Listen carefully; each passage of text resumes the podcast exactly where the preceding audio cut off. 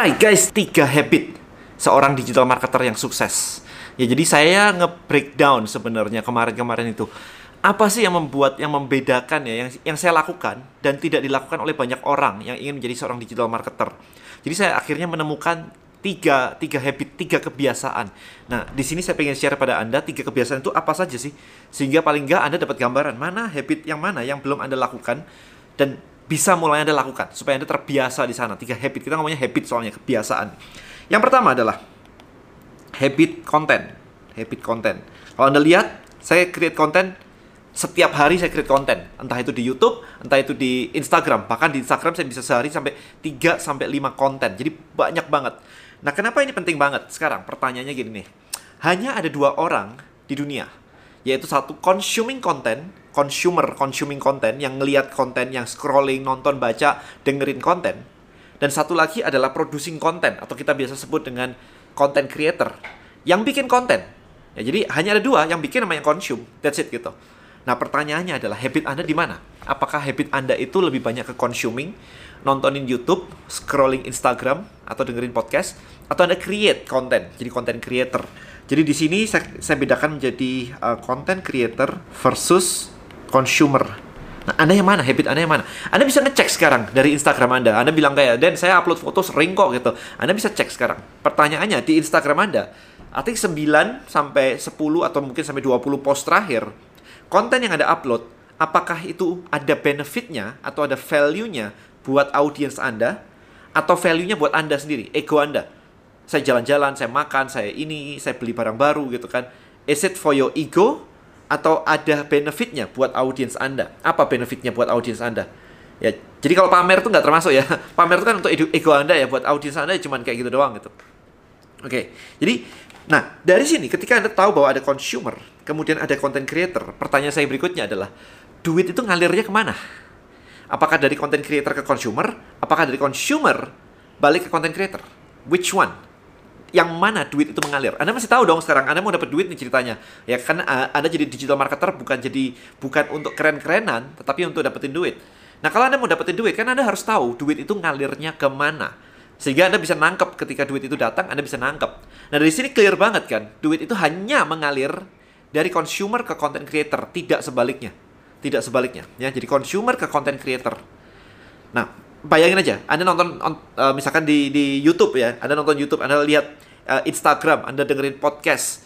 Itu kan Anda consume semua ya. Anda bahkan yang offline pun Anda lihat surat kabar, Anda lihat TV, uh, Anda nyetir mobil, kemudian berhenti di perempatan jalan, ada billboard di pinggir jalan nih itu kan konten dalam bentuk billboard.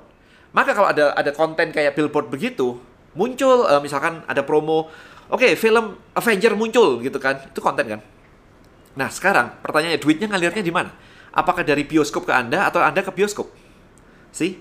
Kalau itu promosi rumah di sana ada rumah murah diskon sekian persen gitu kan cicilan sekian gitu. Pertanyaannya apakah pemilik rumah developer ke anda duitnya atau anda beli rumah itu?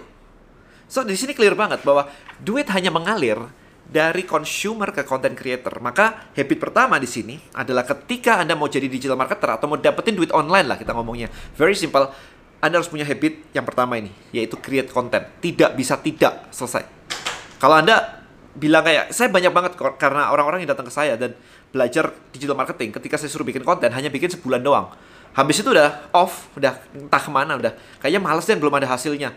Well yes, belum ada hasilnya karena memang content creator butuh waktu. Tetapi duit tidak mengalir dari content creator ke consumer. Duit hanya mengalir dari consumer ke content creator. Jadi kalau Anda nggak siap jadi content creator ya Anda nggak bisa. Gitu aja. Alright, so kedua.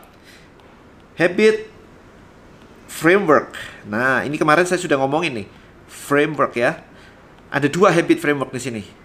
Kemarin saya sudah ngomongin di video saya sebelumnya. Jadi kalau belum nonton video saya sebelumnya, tonton video saya sebelumnya. Alright, ada yang pertama adalah tiga step profit framework. Oke, okay. ini digunakan untuk apa sih? Ini digunakan untuk melihat. Jadi kalau misalkan Anda ketemu uh, di depan saya ini ada Lego, misalkan ada mikroskop di sebelah saya gitu kan, kemudian ada kelinci, kemarin saya lagi heboh banget tentang kelinci gitu kan. Kalau ada kelinci, ada itu, itu, itu, dan sebagainya. Anda harus punya framework di kepala Anda. Ini harus hafal luar luar kepala gitu ya. Nggak perlu mikir lagi, tiga step profit framework. Oke, okay, social media. Saya bisa create why-nya apa ya? Kenapa orang pengen beli kelinci? Kenapa orang pengen beli Lego?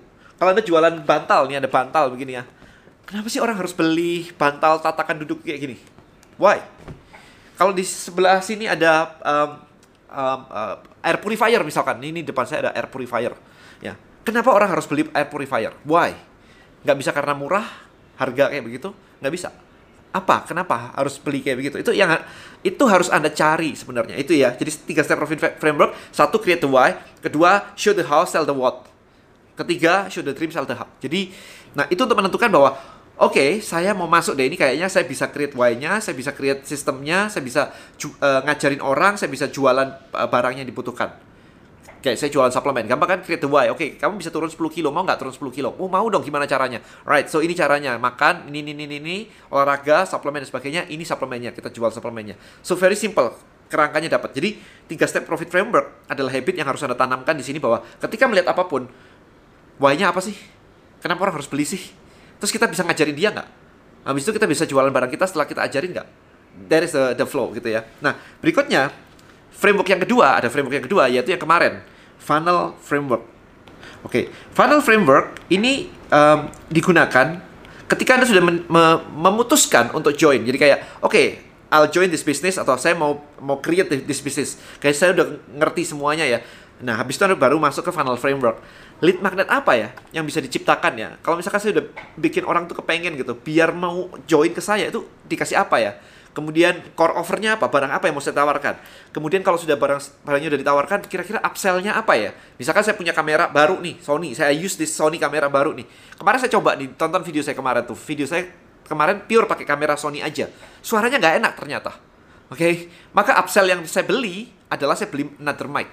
Ini saya pakai mic yang berbeda, pakai Rode mic, Rode Micro. Jadi itu upsellnya karena apa? Karena saya ngerasa kok nggak enak ya suaranya tidak solid, tidak utuh seperti biasanya gitu. Jadi saya nambahin mic yang baru ini. Oke, jadi uh, funnel framework untuk menentukan mulai dari lead magnet, tripwire, core offer, profit maximizer. Oke, tonton video saya. Saya udah jelasin itu detail banget. Kenapa harus ada lead magnet, kenapa harus ada tripwire, core offer, dan profit maximizer. Ini goalnya untuk memaksimalkan profit Anda. Oke, yang terakhir, yang terakhir adalah habit customer, customer mindset saya bilangnya, VS product mindset. Jadi setiap kali ketemu sebuah produk, Anda punya habit, Anda punya kebiasaan, mikir kayak begini, ini marketnya siapa ya? Begitu ketemu produk, oke ini marketnya siapa ya? Topik apa yang disukai si market ya? Kita harus meng-create sebuah sebuah uh, topik seputar itu. Jadi gini misalkan saya punya, let's say saya punya Bonels kemarin, saya punya Bonels, essential oil saya Bonels. Nah, saya harus mikir langsung, ini problem apa yang di-solve sama Bonels? Oke, okay, essential oil ini ternyata buat ibu-ibu yang suka atau buat um, gini dulu, dari Bonels menyembuhkan penyakit tanpa pakai obat kimia, gitu dulu. Jadi fungsinya itu dulu. Nah, sekarang ditarik mundur. Siapa yang memiliki problem itu? Jadi problem yang mau di-solve itu dimiliki oleh siapa? Orangnya itu siapa? Kan jelas ya, ibu-ibu yang punya anak kecil. Oke. Gampang nggak sih menjangkau ibu-ibu yang punya anak kecil? Gampang nggak sih gitu? Nah, muternya ke situ. Jadi, produk dulu, ditarik ini menyelesaikan problem apa, ditarik lagi ke belakang, siapa pemilik problem ini. Nah, ini mikirnya apa? Orang ini mikirnya apa? Topik apa yang mereka sukai? Itu mikirnya. Jadi, selalu mikirnya adalah customer, customer, customer, bukan produk. Jadi, kalau Anda nanya, produk saya restoran gimana? I don't care. Produk Anda restoran, siapa yang beli? Gitu. Produk saya kabel dan siapa yang beli? Produk saya baja kemarin ada, siapa yang beli? Karena Anda butuh pembeli. Marketing itu ngomongin tentang siapa pembelinya, bukan tentang gimana bikin produknya. Kalau Anda sudah nemu siapa pembelinya, bikin produknya lebih mudah. Anda bisa Google, bisa nyari di mana-mana untuk cari produk. It's, it's easy.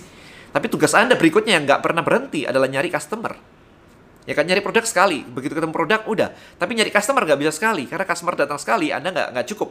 Ya kan, masa transaksi mau sekali? Kita kan mau transaksi bolak-balik. So your main activity itu lebih banyak ke customer daripada ke produk.